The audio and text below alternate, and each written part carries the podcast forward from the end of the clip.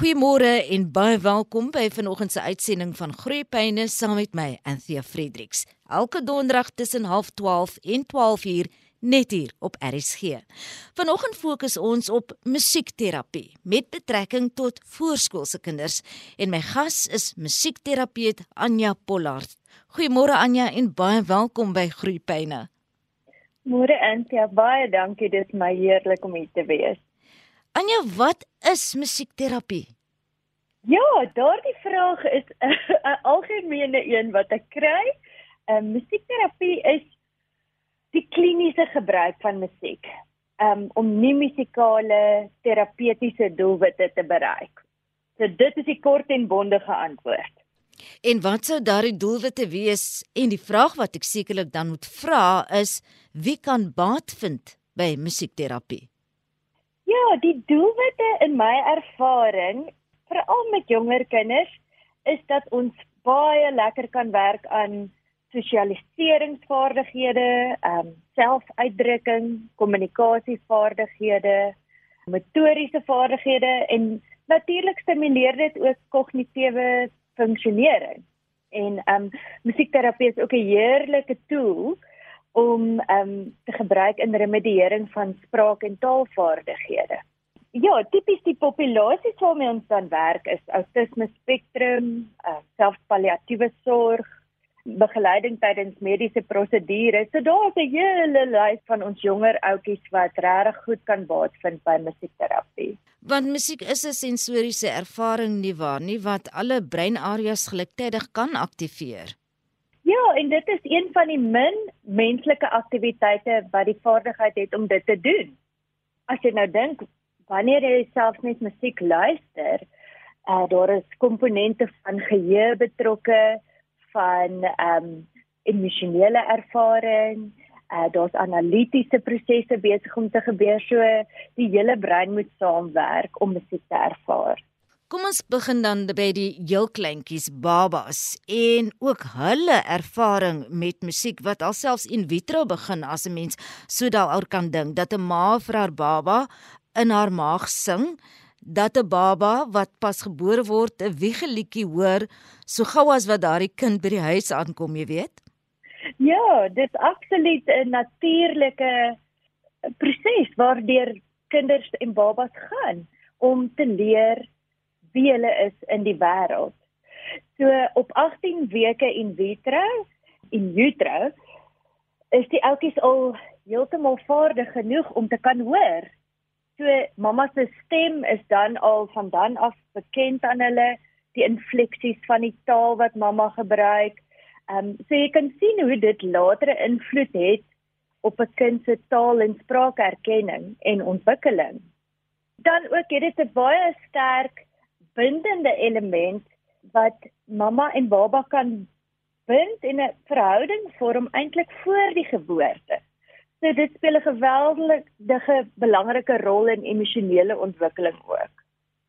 Nou as ons praat oor musiekterapie wat dan ingespan kan word as 'n terapeutiese ingryping vir probleme waarmee voorskoolse kinders kan worstel, Miskien dat 'n kind maklik aandag afleibaar is, dat 'n kind nie kan konsentreer nie of homself nie emosioneel kan uitdruk nie. In hoe mate dan word 'n spraakterapeut se rol belangrik? Neem ons net eers die, die praktiese aspekte. Musiekterapie is ongelukkig op hierdie stadium nie die eerste persoon wat mense kontak nie. Ehm um, wanneer daar 'n kindjie is met uitvalle wat sigbaar is, Maar dit is wonderlik om via 'n ryk netwerk van ontwikkelingsterapeute te werk en dit is geweldig lekker om saam te werk.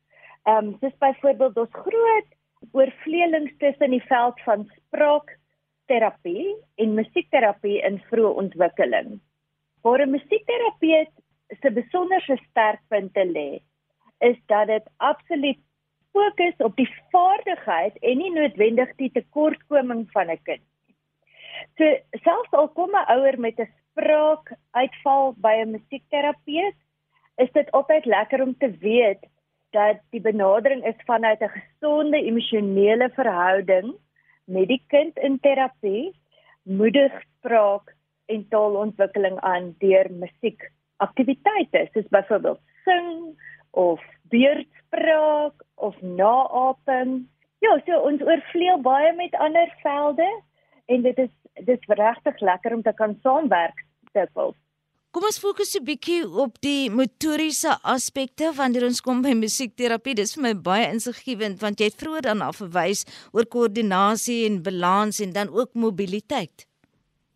Ja, as mens 'n voorbeeld kan gebruik van 'n jong kind wat uh, die uitdagings het wat cerebrale palsy byvoorbeeld meebring, is musiek 'n geweldige sterk motiveerder om motories aktief te raak en motories te deel en motoriese uitdagings aan te pak want die terugvoer wat jy dan kry binne 'n musiekterapie sessie is positief. Dis die musiek en dit is vir kinders so lekker om daardie mooi terugvoer te kry. Dit is esteties aangenaam.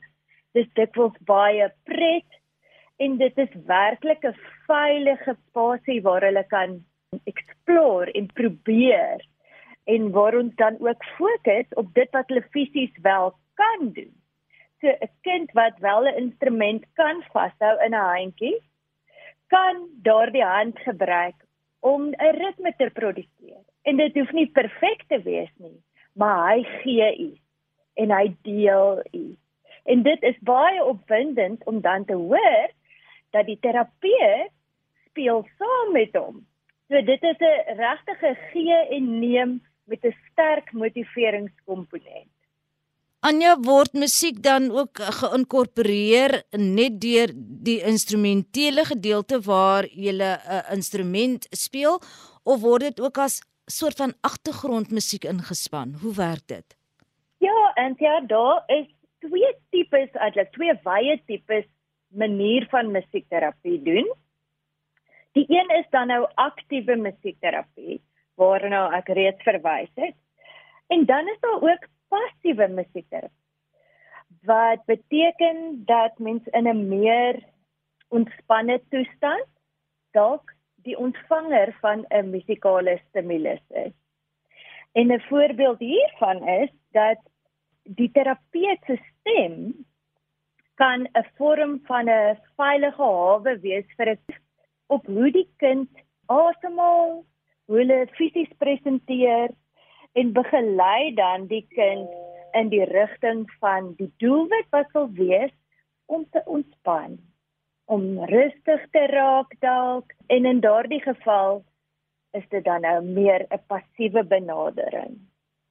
En op emosionele vlak speel dit ook 'n groot rol nê nee? want ons weet dat uh, wanneer ons na musiek luister is dit 'n goed voel oomblik. Ek meen die reggae sanger uh, Bob Marley het dit baie mooi uitgedruk en hy het gesê one thing about music when it hits you you feel no pain. Ja, ja, verseker. Ag en dit is daai lieflike storm van dopamien wat vrygestel word as ons daai lekker kry oomblik in musiek vind. So emosioneel Ja, en hierdie dink ek is eintlik vir my persoonlik die sterkte van musiekterapie as 'n veld. Is dat ons 'n baie kragtige tool het om te werk met die emosies. As jy nou dink aan hoe ons musiek luister, dit het 'n dadelike karakter of 'n persoonlikheid. En wanneer kinders leer om te verstaan wat die musiek uitdruk, watter emosie, watter boodskap is dit die grond of die wortel van empatie ontwikkeling as ons kan begin verstaan wat ander dink en voel so emosioneel ook 'n veilige plek om uitdrukkingsvol te wees 'n kind mag verskriklik loud en besig wees in die musiekterapie spasie want dit is veilig en ons hou dit stewig vas met die ondersteuning van die terapeut se musiek. So die kind word nooit alleen gelaat nie en hulle weet dan ook hulle emosies is belangrik. Dit word erken. En ek dink so leer hulle self dan ook baie beter ken. Anja, hoe bekend is die Suid-Afrikaanse samelewing met musiekterapie en die voordele wat dit inhou? Antjie, ek dink ons het al 'n redelike naam gemaak vir onsself. Ons het 'n wonderlike groep professionele mense wat saamwerk om hierdie dissipline te ontwikkel en 'n spesifieke Suid-Afrikaanse toepaslike manier van werk ook ontwikkel. Want ons het baie uh, unieke situasies in ons land en ehm um, ag dit is lekker om deel te wees van hierdie groep wat oor meer as 21 jaar al opgelei word by die Universiteit van Pretoria. So ek dink meer en meer begin mense bewus raak van die waarde van musiekterapie. Dis ook 'n terapie wat nie indringend is nie, nê, nee, en dit werk sekerlik omdat musiek universeel is. Ja, dit is nie indringend nie want mens kan dit so geweldig sensitief aanpas vir elke kliënt se spesiale behoeftes. En ehm um, soos ek vroeër ook genoem het, dit is werklik 'n terapie gebaseer op sterkpunte.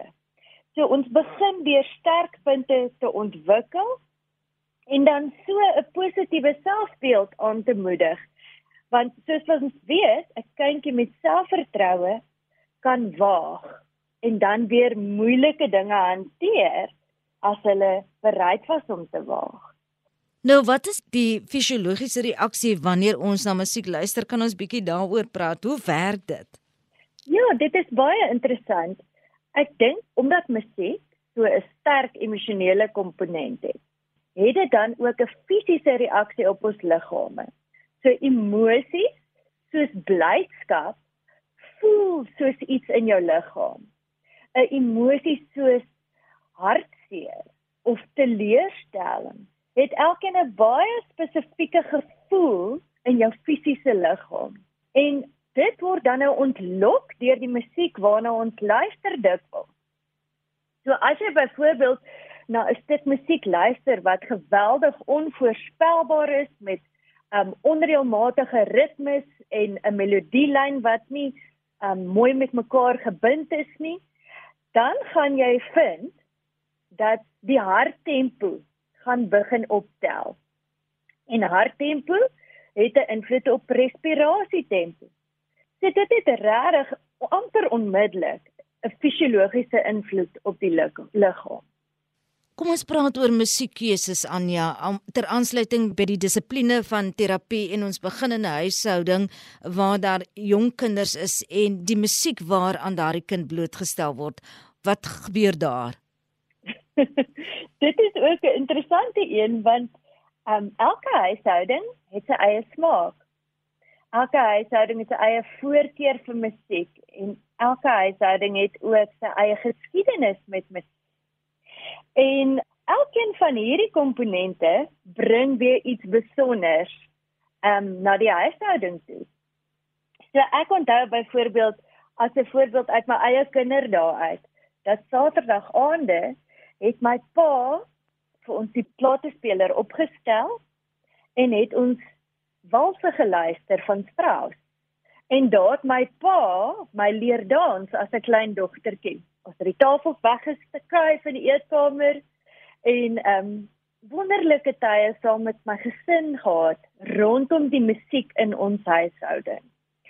En ook as jy dink mamma wat gaan lê by die ou kleintjies um, en 'n storieboekie lees en 'n sagte liedjie sing die um vertroosting en die veiligheid en die rotine wat dit meebring, kan 'n kind geweldig geborge laat voel.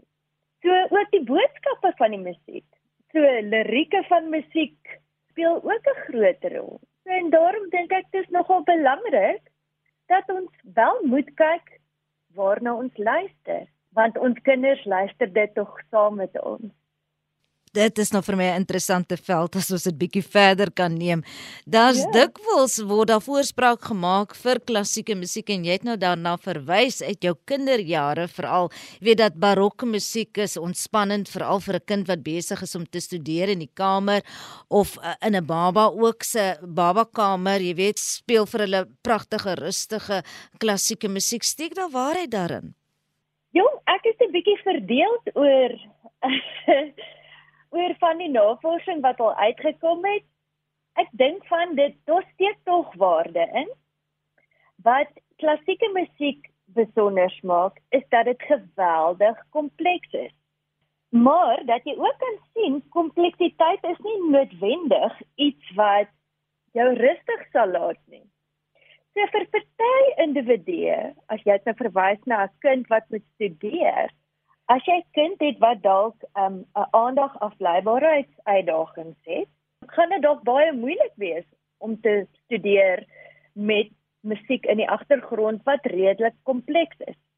So mens moet baie mooi kyk na die behoeftes van die individu, hulle reaksie op die musiek en onthou dat dit wat vir jou mooi en lekker is, is dalk nie vir die volgende persoon mooi en lekker nie jy kry individue wat geweldige frustrasie ervaar wanneer hulle na klassieke musiek luister.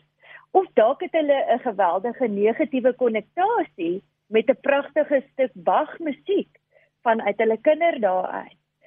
So dit is absoluut persoonlik en en verskillend van persoon tot persoon. So gesels my gas Anja Pollard vanoggend sy is musiekterapeut en ons hoor en leer baie by jou vanoggend.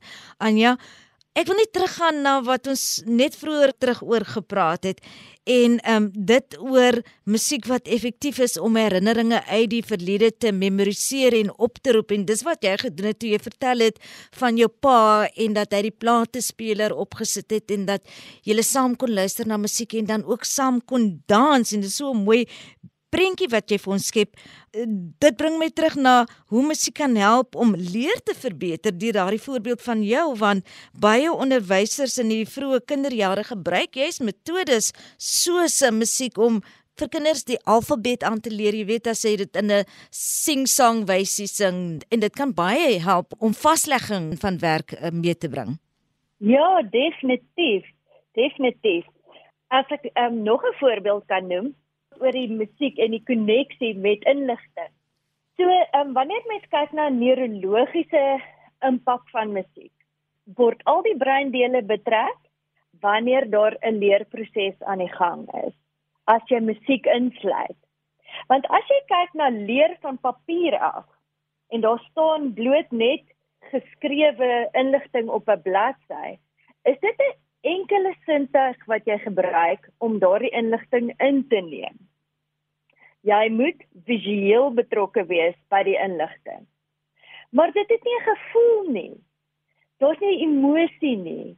Jy kan ook nie daaraan vas nie. Dit het nie beweging nie. En dit het nie kontoure nie. So en al hierdie dinge kan musiek bied wanneer jy leer. En jy het nou genoem van die sing-song metode van byvoorbeeld tafels leer, dan kry die inligting wat jy initially dan nou van die papier af leer, word dan lewendig in verskillende sensoriese dimensies. En daarom is die vaslegging dan soveel dieper en vaster. Anja Soeter afsluiting, wat is die verskil tussen musiekterapie dan nou en die terapeutiese waarde wat musiek toevoeg? Heel wat oor vleeling, musiekterapie ag toegepas deur 'n uh, opgeleide clinician, ekskuus, dis nou 'n uh, Engelse woord wat ek hier gebruik. Maar terapeutiese waarde van musiek sien ons elke dag. Soos in die klaskamer wanneer ehm um, vaslegging aangemoedig word met musiek. Maar ons sien ook 'n mamma en 'n kind wat op die mat sit en speel en liedjies maak oor wat hulle speel. Die terapeutiese waarde daarvan is nie net dat ons vir ons kinders liedjies leer nie. Dit gaan oor die kind se assosiasie met die musiek en dit wat hy en sy mamma in daai oomblik ervaar het. So wanneer dit 'n positiewe ervaring is, word dit vasgeknoop in die brein as 'n bindingservaring. So dit voel heerlik om te kan dans. So enige iemand kan dit doen. Kom ons hou 'n danspartytjie Vrydag aand na ete en die gevoel daarvan is wat die gesin onthou. Dit bind ons saam as mense, as geliefdes. En dan ook hoe 'n mamma praat met 'n kind is tog ook musikaal. So ons modelleer vir ons kinders deur musiek hoe om te praat met ander. So dit het tog ook terapeutiese waarde. Die waarde daarvan lê nie noodwendig eksklusief in die musiek of die komponente van musiek nie, maar die effek wat die musikale elemente het dan in verhouding later. So dit dit speel in op die terapeutiese doelwit van verhoudingsbou en ontwikkel. So ek kan nog baie lank aangaan hieroor. Dit is vir my so 'n wonderlike onderwerp om oor te praat. Kom ons lê net gou-gou vinnig af. Indien daar luisteraars is, mammas, pappas, uh, grootouers, versorgers en hulle wil graag meer hoor van musiekterapie, waar kan hulle gaan kers opsteek? So, hulle kan vir my persoonlike e-pos stuur en daar is ook ek sal nou die e-posadres ook gee maar daar is 'n wonderlike webwerf van die Suid-Afrikaanse kreatiewe kunste vereniging. So ons val onder die sambreel van Creative Arts Therapists. En in Suid-Afrika is ons bevoorreg om ook bewegings- en dansterapeute te hê, dramaterapeute en kunstterapeute en hierdie staan langs musiekterapie as die kreatiewe kunste terapie. So www.sanata.org is hierdie organisasie se webwerf en daar is heelwat inligting op oor die kreatiewe kunste terapie sowel as musiekterapie. En dan my persoonlike e-pos is anja@pollard anja@pollard.co.za. Dis anja@pollard.co.za. Anja Pollard, musiekterapeut, vanoggend heerlik met jou gesels in Groepyne. Baie baie dankie vir 'n insiggewende gesprek en baie sterkte met die wonderlike maar ook prettige werk soos ek ja. agterkom waarmee jy besig is. Ja, baie dankie Ansia. Dit was heerlik om die oggend saam met jou te spandeer. En dit dan vir oggend se groeipyne. Dankie vir die saamluister. Volgende donderdag om 12:30 maak ons weer so. Tot dan. Mooi bly.